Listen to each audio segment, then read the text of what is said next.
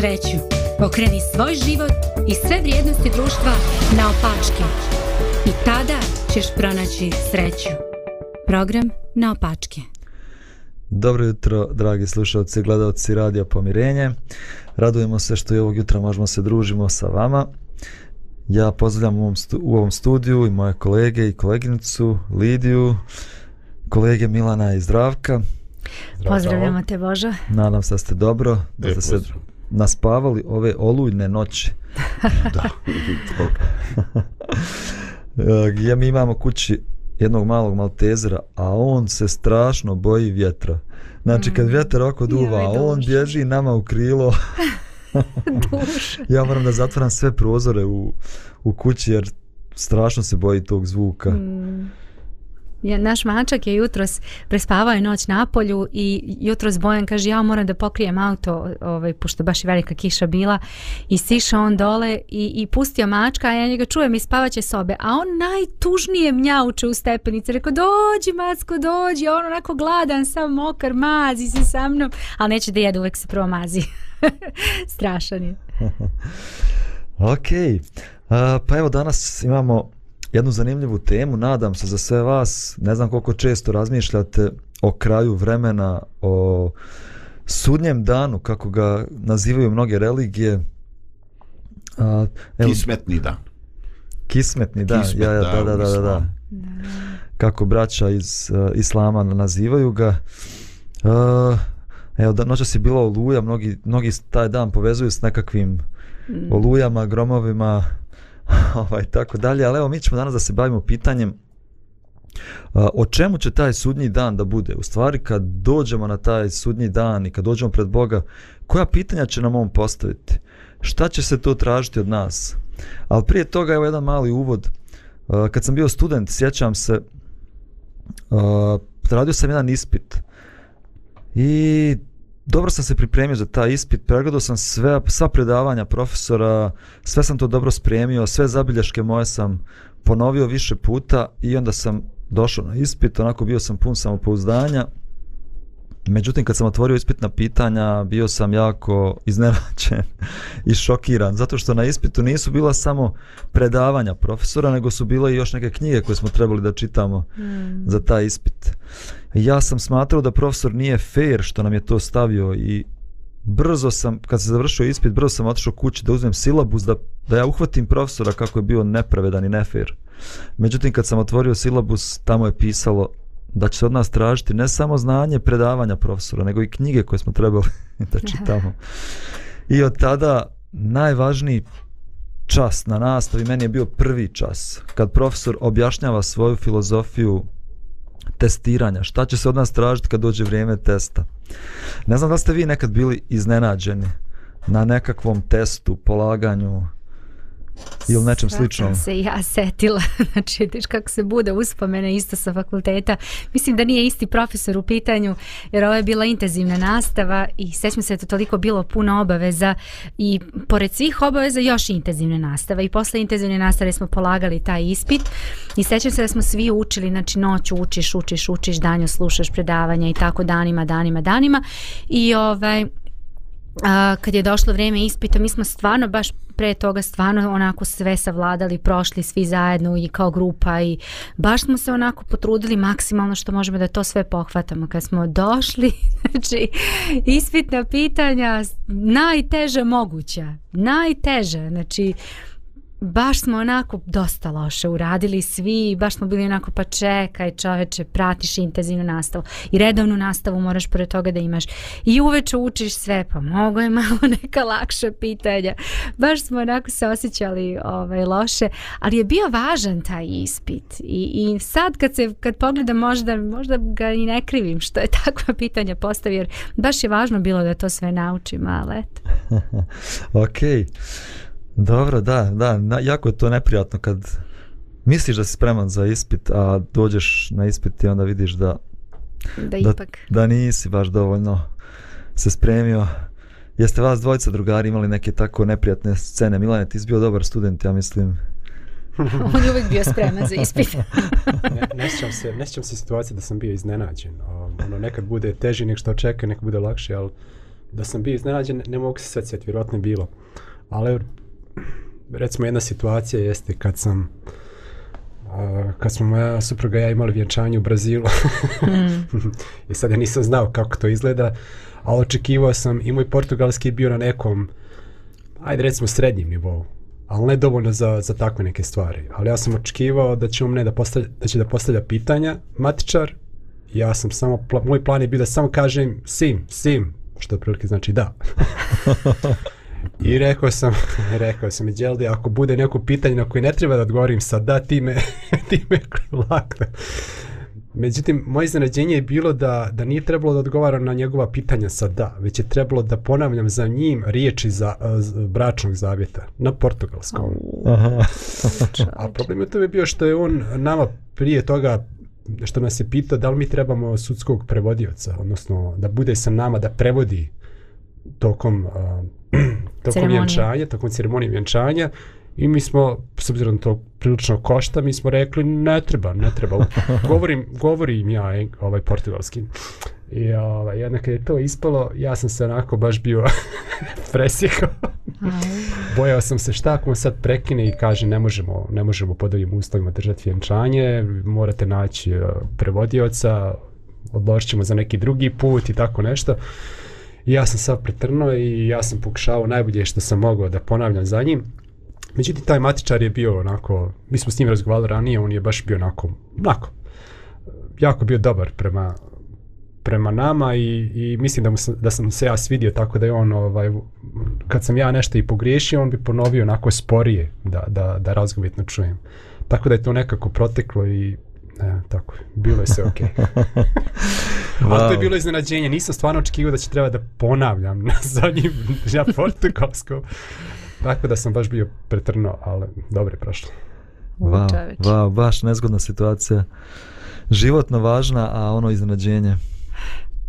Pa najveći problem jeste kad mi ovaj, e, doživaju iznenađenje. Dakle, iskušenje koje imamo se ne poklapa sa očekivanim. Mm.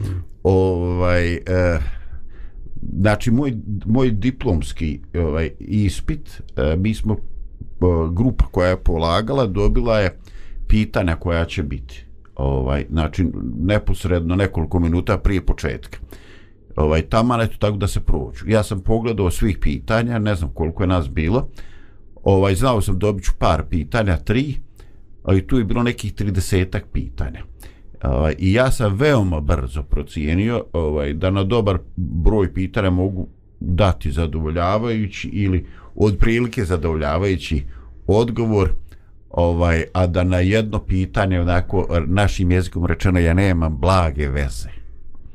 I ja sam ispao zbog svoga ovaj, imena i prezimena zadnji. I šta mislite? dobio sam to pitanje. Čovječ. Znači, od tri pitane jedno je bilo. I kad, kad je rekao baksuz.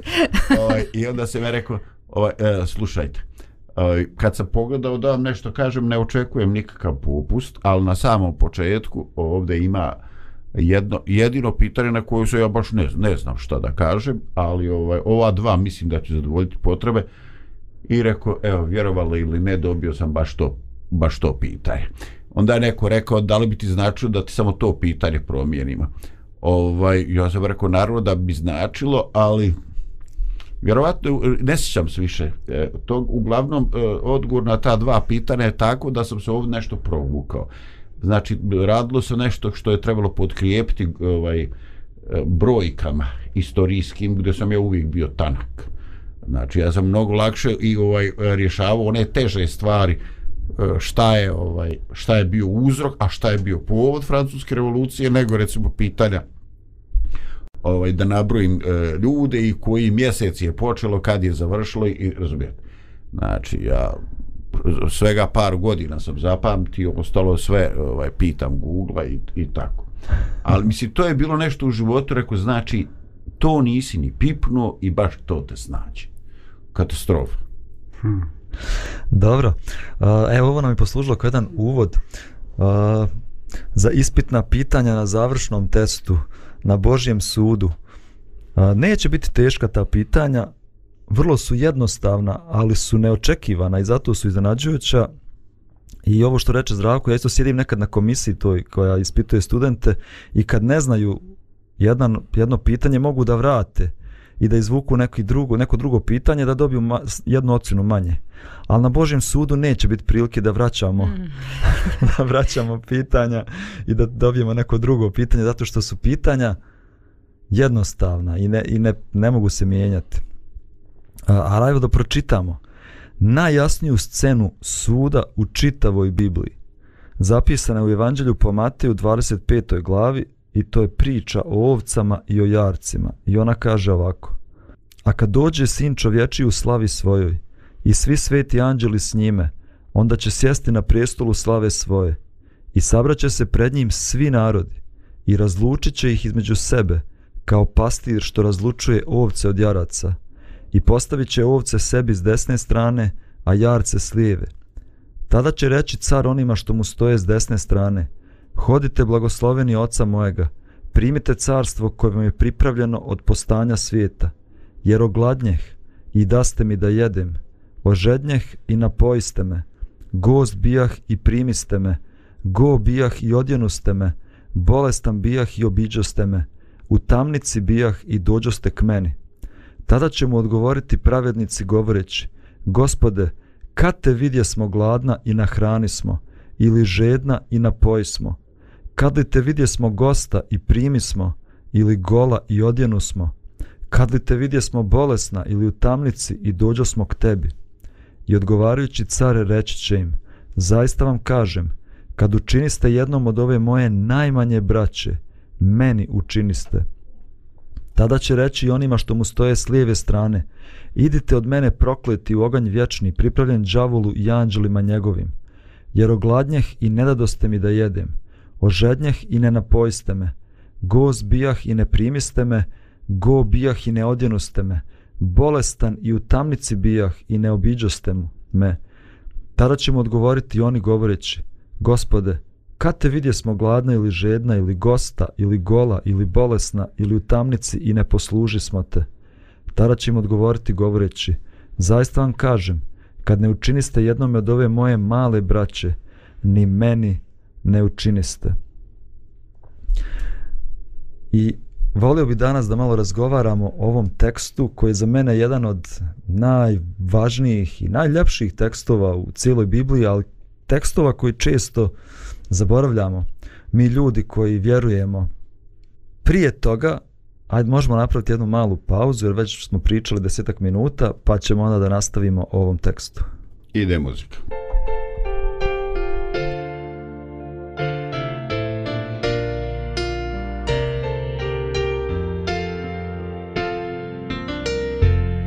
tebi dolazim, ti promijeni.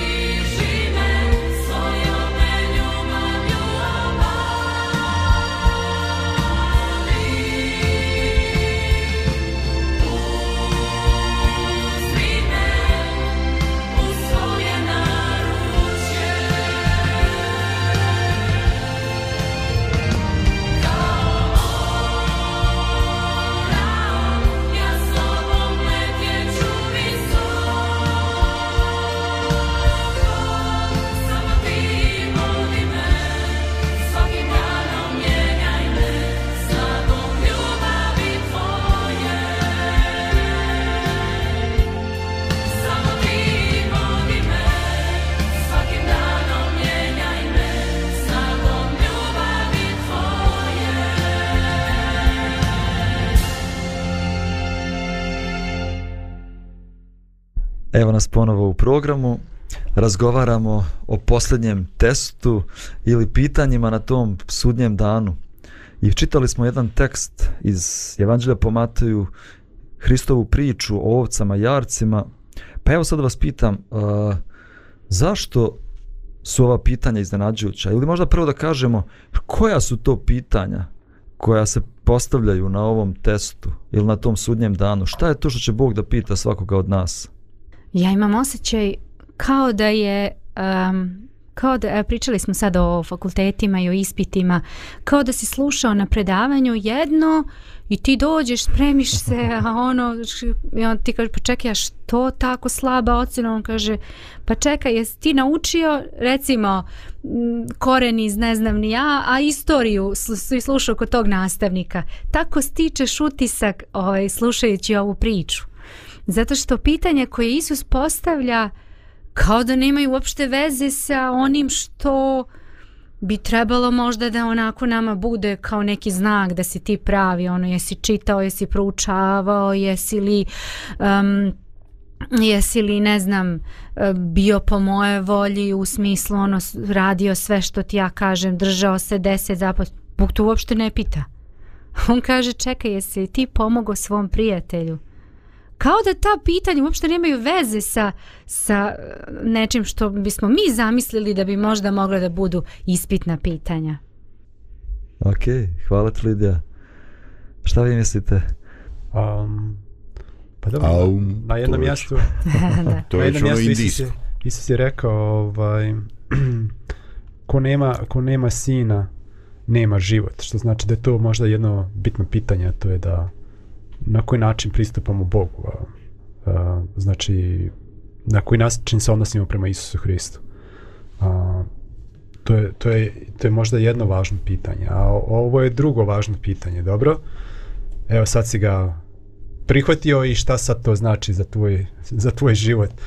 I da, zaista je vjerovatno iznenađujuće za mnoge religijozne ljude koji možda očekuju da odlazak redova na uh, bogosluženja ili, ili već um, službe. službe, kako god da se zovu mise ili a, liturgije, a, da, da će da to znači nešto, da davanje darova u, u hramu, koji god da je, da je to predstavlja nešto važno, da je pošto, poštovanje nekih religijuznih pravila, da je to nešto važno, a ovdje na kraju dođe, a šta si uradio za, za onog tamo što nije imao šta da, da obuče ili šta si radio za onog što je bio tamo u zatvoru i šta si radio za ovog uh, I onda stvarno mogu da se da zamislim kako se neki od tih ljudi osjećaju vrlo ono šta je sad ovo?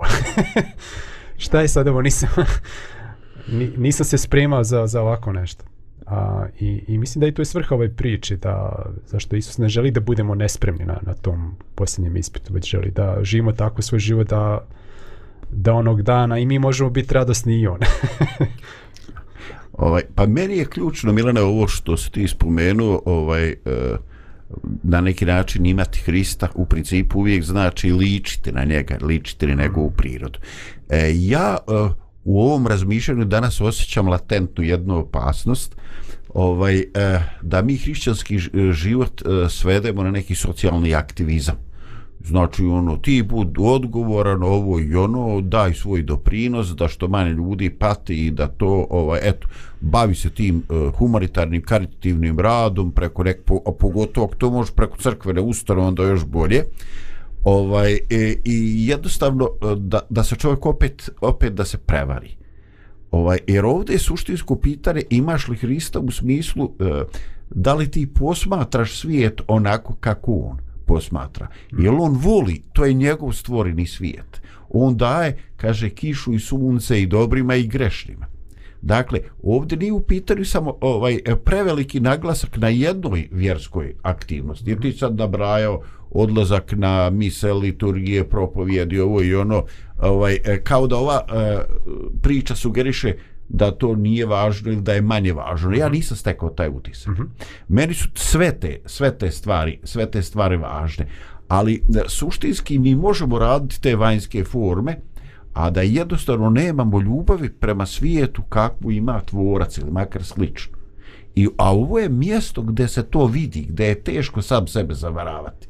Dakle, ako si ti bezosećajan, ako si ovaj, prolaziš pored ljudske patnje, mm -hmm. bez reakcije, E, bez saosjećanja, bez tuge, ti ne ličiš na Hrista. Znači, nije ovo pitanje šta ti radiš, nego kakvu prirodu imaš.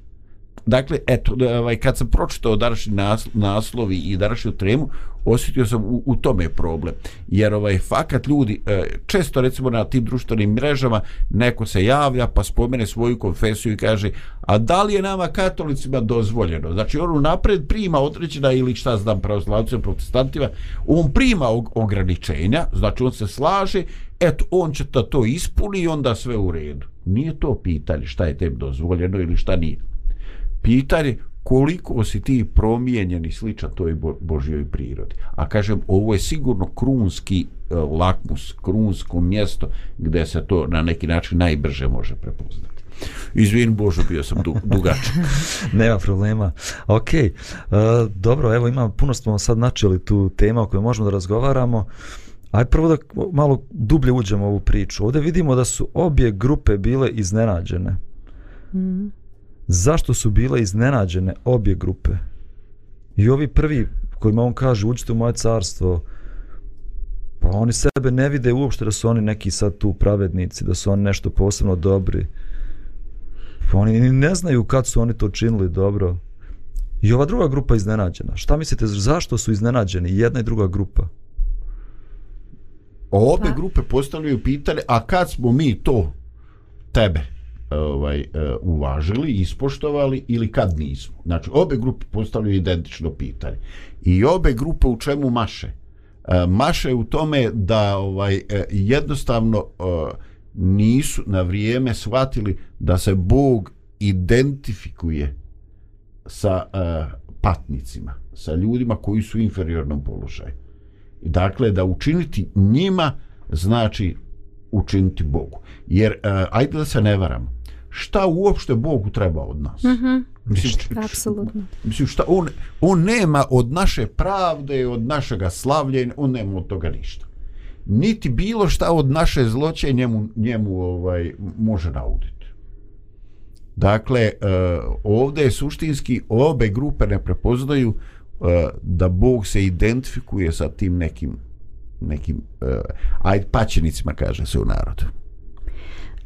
Pa da, ja mislim da to što činiš i kako živiš Ako je to nešto što ti jednostavno prirodno radiš, ne radiš da bi nešto, već jednostavno to proizilazi iz onoga što ti jesi. Um, ja bih samo možda zaokružila ovu prethodnu um, misao kad smo razgovarali o tome ovaj, um, kad je ovo prvo pitanje bilo, pa, pa smo rekli znači da, da je naš život u stvari jedna dvosmjerna ulica. Znači koliko je važan taj odnos prema Bogu i da saznaš šta je Božja volja, kako ću znaš kako trebaš da živiš, šta trebaš da radiš. A onda je Bog neka, neke smernice dao i kaže ako želiš da ti je dobro, pokušaj na ovaj način, vidjet ćeš da će ti biti dobro. I ti živiš tako, trudiš se, pokušavaš i vidiš, u čoveč, ovo je dobro, ali onda ti ideš i dalje, znači uopšte ti ne zadržavaš se na tome, ok, odradila sam to svoje i to je to, znači to je vrh. Nije, nego jednostavno ideš i dalje u tome. A postoji ona druga strana, a to je naš odnos prema ljudima, gde se možda maksimalno pokazuje koliko smo mi shvatili u stvari to što smo možda naučili i što nam je Bog nekako uh, dao eto u nekom tom pisanom obliku šta i kako trebamo da, da živimo. Tako da mislim i jedna i druga stvar su jako važne, znači jedan i drugi odnos su jako važni, ali suština je, ovaj, Zdravko je to dobro naglasio, suština je upravo u tome da ti to što radiš, radiš jednostavno prirodno od sebe. Znači ne razmišljaš ti sad, čekaj šta sad treba da uradim da bih ja neku tu zadovoljila uh, možda pra, pravdu ili ispunila te neke propise da bi to bilo to. Ne razmišljaš na taj način, nego jednostavno činiš tako zato što ti je to prirodno. Jednostavno. Zato što imaš ljubav u svom srcu. Apsolutno. I onda to prirodno izlazi van.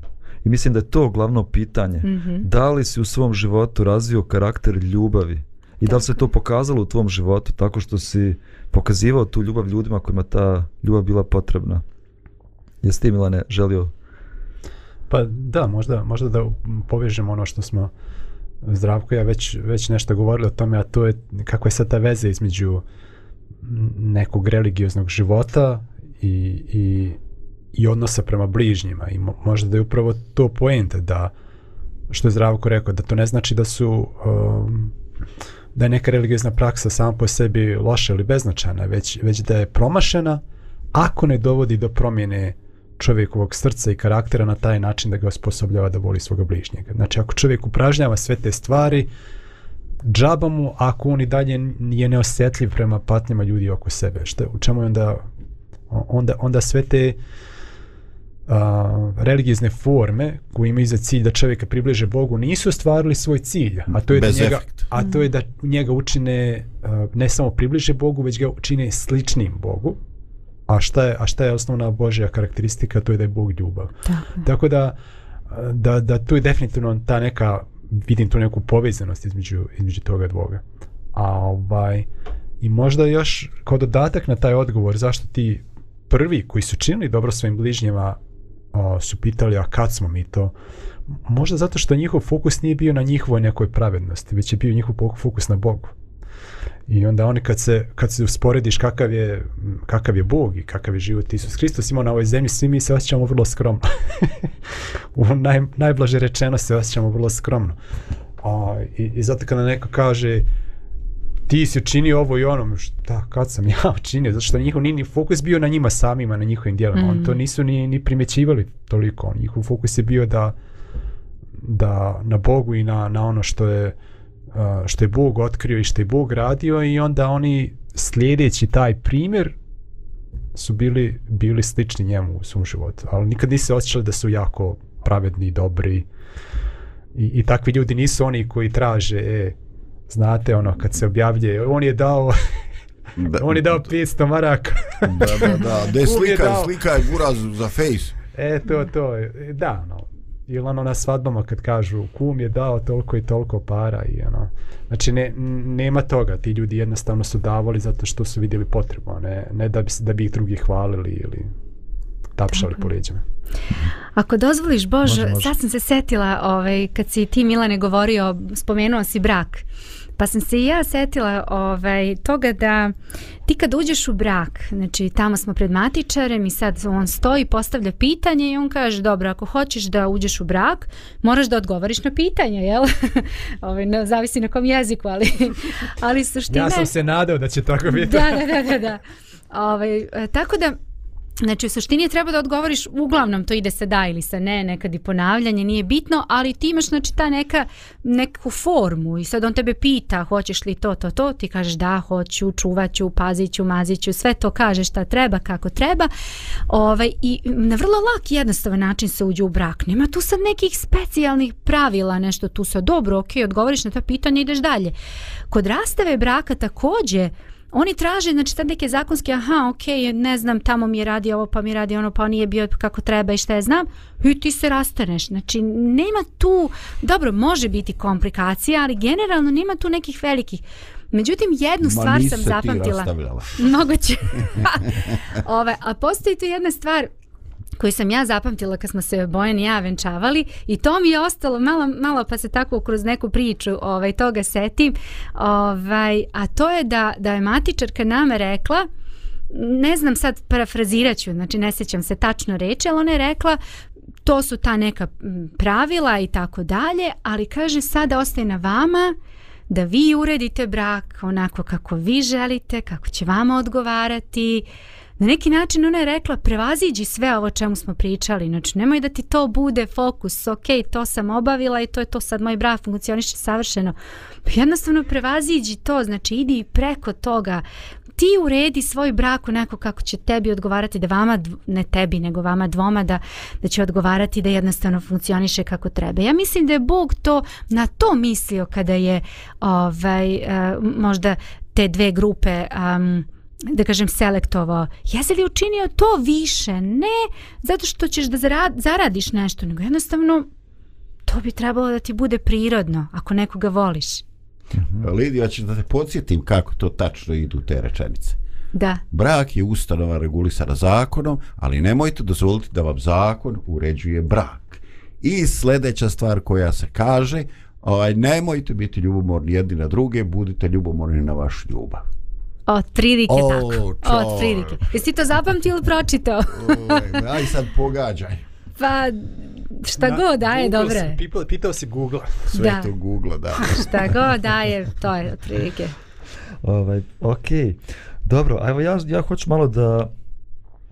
Možda malo da napravimo još zanimljiviju ovu priču. Vi ste spominjali, evo vas dvojca ste baš spominjali, kako nije ovo jedino što se traži od ljudi, postoje neke druge stvari koje isto treba raditi. Uh, Um, da li je moguće, da li u stvari ig igdje u Bibliji se govori da je prava religija obavljati religijske dužnosti, uh, postiti ili, ili svaki put kad čitate bilo i stari zavjet i novi zavjet, govori se da religija je nešto drugo. Da to sve što radiš, treba ti pomogne da dobiješ pravu relikiju, ali nije to relikija. Evo ja hoću vam pročitam dva teksta, pa ima ih mnogo. U starom zavjetu, prorok Mihej kaže ovako, pokazao ti je čovječe šta je dobro i šta gospod ište od tebe. I sa šta je to što gospod ište od ljudi? Da činiš što je pravedno, da ljubiš milost i da hodiš smjerno sa Bogom svojim to je ono što Bog ište, to je ono što Bog traži, to je cilj. Sve što mi radimo treba da doprinese tom cilju da postanemo ovakvi ljudi, ali to je religija. To je prava religija koju Bog traži od čovjeka. Evo drugi tekst iz Novog Zavjeta. Jakovljeva poslanica, prva glava, kaže ovako. Jer vjera čista i bez mane pred Bogom i Ocem jest ova – obilaziti sirote i udovice u njihovim nevoljama i držati sebe neopoganjeno od svijeta. Nema tu nikakvih rituala, nema tu nikakvih religijskih pravila, uh, propisa, jednostavno nešto što Bog traži od čovjeka. Kaže, vjera prava i bez mane pred Bogom, obilaziti sirote i udovice u njihovim nevoljama, držati sebe neopoganjeno od svijeta. Neko dvije stvari su raspomenju. S jedne strane, držati sebe, čuvati sebe od prljavštine ovoga, ovoga svijeta, od korupcije, od nemorala, od svega toga što, što prlja dušu. Ali nije to dovoljno samo da ja sebe čuvam, da se ja ne opoganim, da ja budem čist, nego ta moja vjera treba da bude i aktivna, da ona služi nekom drugom i da se pokaže na, na takav način u životu. A to je problem sa mnogim religijskim ljudima. Oni se trude da žive pravednim životom, čuvaju se od grijeha, ali u njihovom životu se ne vidi ta ljubav koja djeluje izvan njih, koja služi nekom drugom osim njih. Pa evo, možda sad pitanje, a možda možemo i poslije muzičke pauze da razgovaramo o tome. Da li je moguće iz ove su ove priče da li je moguće da neko nikad u životu nije išao u crkvu ili u džamiju ili nikad nije ni čitao neke svete knjige, a da će da položi taj test. Da li je moguće danas, ne znam, neko preskočio fakultet, nišao na predavanja, samouke bio i dođe na ispit i on položi ispit bolje nego što ga polože ovi studenti koji, koji uče. Da li je to moguće i na Božjem sudu? Evo, možemo o tome da pričamo poslije pauze. Može, ide. Može.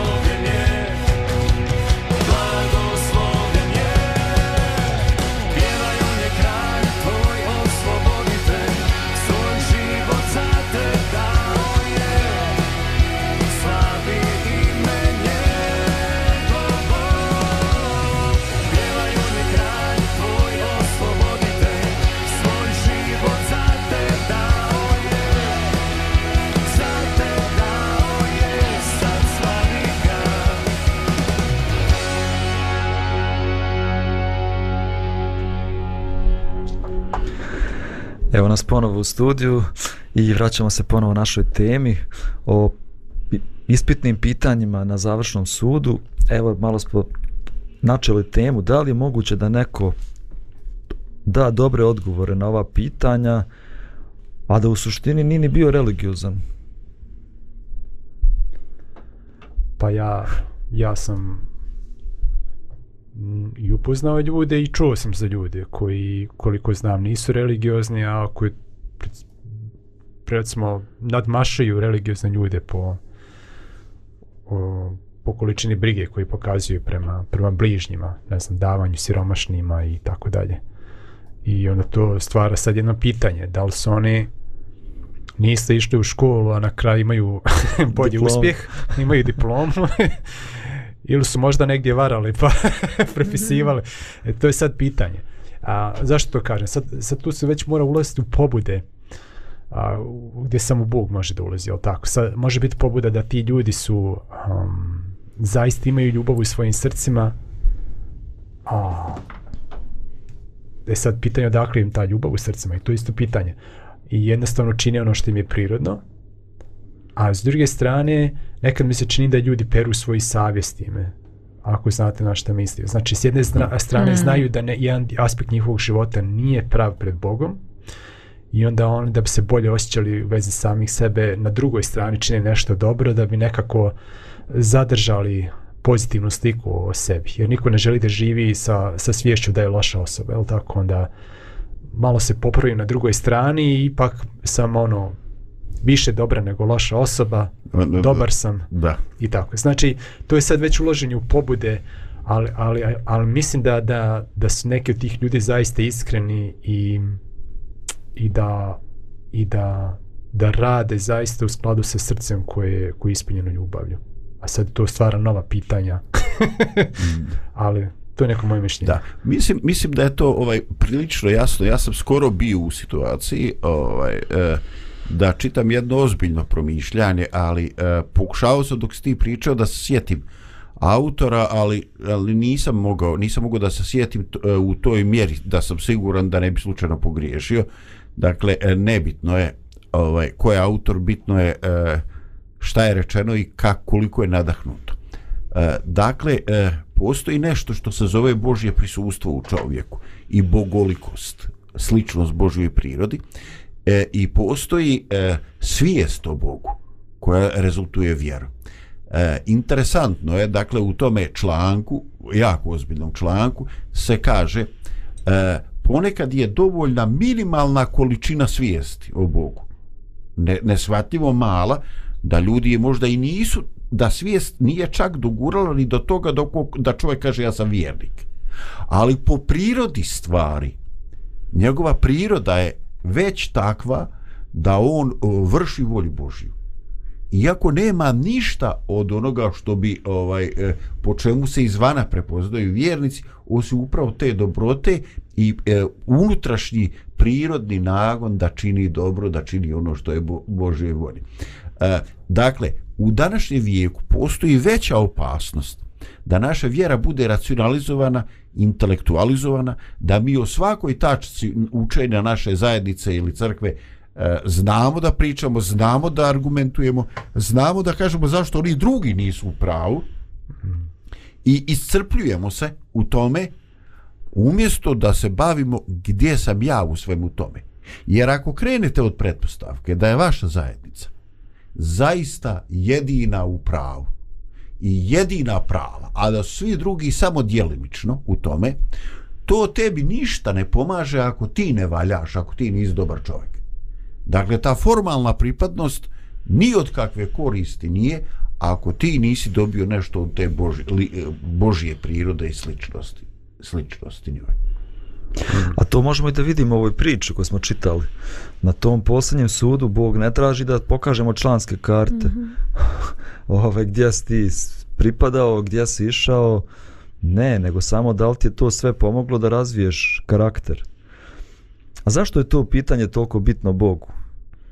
Da li si razvio karakter ljubavi? Da li si pokazao tu ljubav svom bližnjem? Pa za, upravo i zbog te ljubavi. Znači, ljubav jeste Božja vrhunska osobina i, i to, to je nešto što se vidi. Ne možeš da voliš nekoga da niko to ne zna, da niko ne, mislim...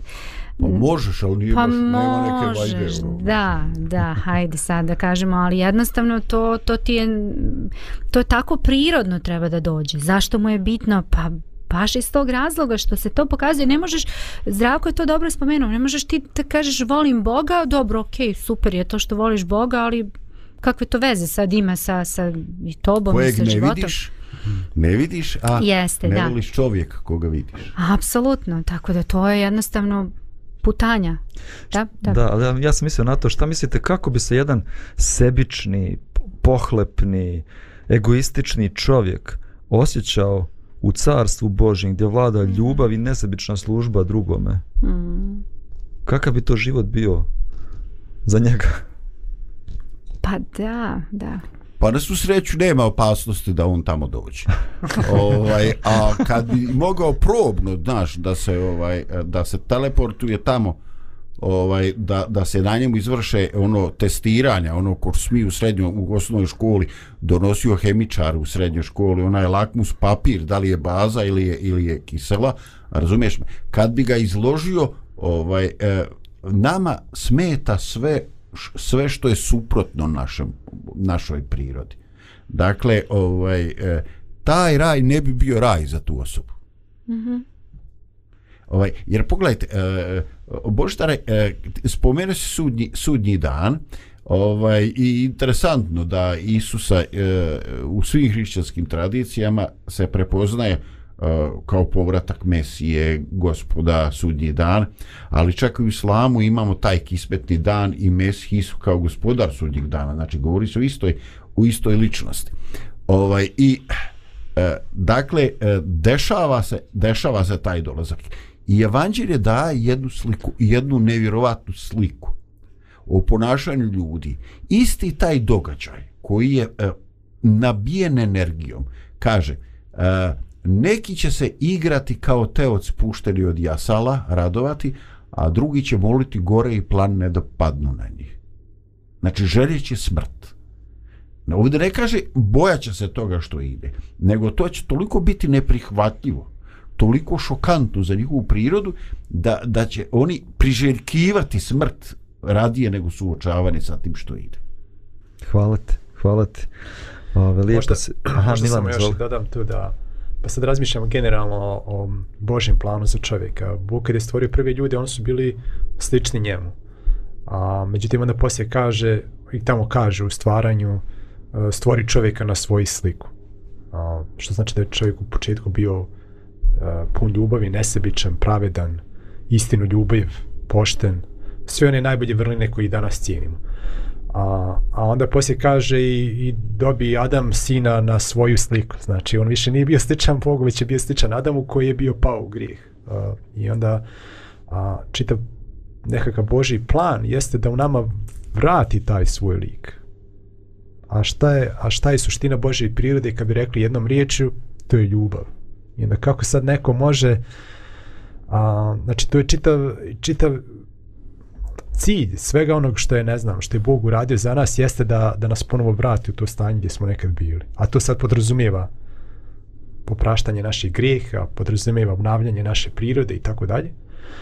A, ali to je suština, to je, to je naj, onaj cilj koji nas Bog vodi. I sad ako nismo stvarili taj cilj, ako smo to promašali, onda a, što znači da da se Božja svrha nije, nije ispunila u našim životima. I onda čak i da, da to Bog i dopusti, kao što smo već rekli, da takva osoba završi na nebu, to ne bi bilo nebo, to ne, to ne bi bilo lijepo mjesto za takvu osobu i taka, taka osoba tu ne bi uživao, ne bi našao nijednog prijatelja s kojim bi se razumio. Mhm.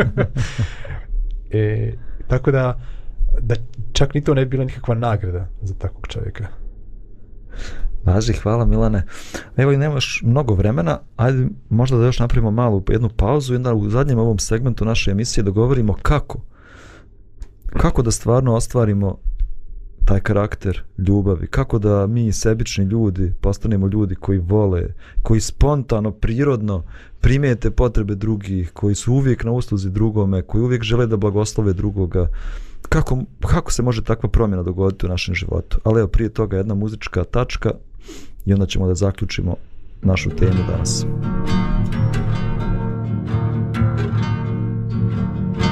Uspiši nas Bože naš, kad divan je moj, pomiluj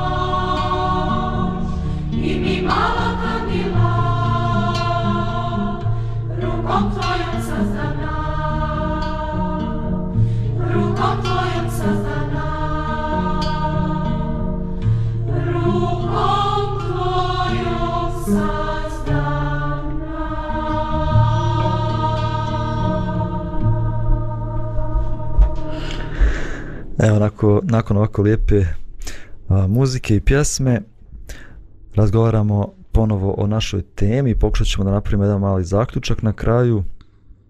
Znači, ako je ulaznica za nebo, ljubav i karakter ljubavi izgleda veoma jednostavno, ali kako mi, sebični ljudi, sa našom sebičnom prirodno, prirodom, možemo uopšte da postanemo ljudi koji, koji vole i koji imaju ljubav u svom srcu. Evo, možda da, da odgovorimo na to pitanje na kraju. Da li imate neku ideju? Kako vi to u vašem životu radite? Kako, da li vidite neki napredak? pitanje je možda kako pro, po, probuditi ponovo ljubav ako, ako u braku ne funkcioniše kako treba. Ja sam tu neku sliku braka, meni to u glavi.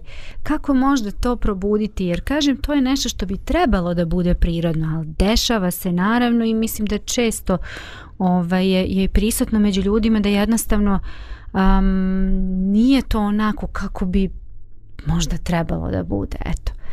Um, po meni, znači, ne jedna od prvih od stvari koja mi sad onako pada na pamet jeste da se provodi više vremena um, sa Bogom i da kažeš Bože, evo ja želim da služim, želim da pomognem ljudima, ali ne znam šta trebam da uradim. I kaže, kaže jednostavno moliti Bože ti mi otvori oči, da ispunjavam potrebe ljudi oko sebe. I I onda jednostavno, znaš, budeš na oprezu i vidiš gde te Bog uputi šta trebaš da radiš. Drug, e, I druga stvar, e, Bog neće da ti da nešto što ti možda nije tebi lično prirodno. Znači, ako ti možda imaš neki talent i dar i sposobnost, nešto ti onako dolazi, znaš da si jednostavno takav, pa vidi možda gde možeš da to upotrebiš. I kreni nekako u tom pravcu, pa pretpostavljam da će te Bog blagoslaviti i voditi. Tako je, to, to su neka moja razmišljanja ovako na prvu ruku. Da. Eh, Božedare, u tvojem pitanju je ovaj eh, zadržana eh, su, zadržana je jedna konstatacija ovaj da jednostavno ima nešto što treba popraviti. Dakle da ima problem ovaj i šta praktično praktično ovaj učiniti. Ja ne znam ni za jedan ni za jednu bolest, ni za jednu manu, ni za jednu ovisnost uh, koja se kod čovjeka rješava, a da se čovjek prije toga nije suočio sa svojim nedostatkom. Znači, prije ono što, znači, niko se nije riješio alkoholizma, a da nije prošao fazu da kaže ja sam alkoholičar ili ja sam alkoholičar koji sebi ne može pomoći. Dakle, e, prva stvar je su, suočavanje. Problem je da bi utvrdio neku činjenicu, sve se činjenice utvrđuju u odnosu na nešto drugo. Mi kad e, čitamo evanđelja, pratimo Isusov život, kad čitamo u životu drugih Božih poslanika, proroka i slično, mi jednostavno vidimo koliko je to drugačije od naših života. Mi vidimo da smo od nekih stvari daleko. Znači, po meni je to prvi korak. E, daleko sam, nisam dorastao. I taj osjećaj, dakle, da smo, da smo u deficitu, da nam fali, da nije situacija sjajna, da se dovodi do sljedećeg koraka, a to je e, da vapimo Bogu da učini nešto za nas. I ovaj, e, Bog to stvarno čini, kaže, tražit ćete me, naćete me kad me ustražite svim srca svojim, svom snagom svojom i svim umom svojim. Dakle, čitavo ljudsko biće se e, suoči sa onim što mu nedostaje i onda ovaj e, kad zavapi, Bog nam neće dati prije što mi to iskonski budemo tražili i prizivali. Ok, hvala vam. A evo, slož, slažem se s vama da i s tobom zdravko da prvi korak je sazna, svatanje moje bespomoćnosti. Da ja sam sebi ne mogu da pomognem, ja sam sebe ne mogu da promijenim. Jedino što bi ja malo promijenio ovaj drugi dio. Mi često mislimo da smo mi u potrazi za Bogom. Da mi treba da vapimo i da zovemo Boga da se On smiluje i dođu na život a u stvarnosti Bog je u potrazi za nama. Mnogo više nego što smo mi u potrazi za njim.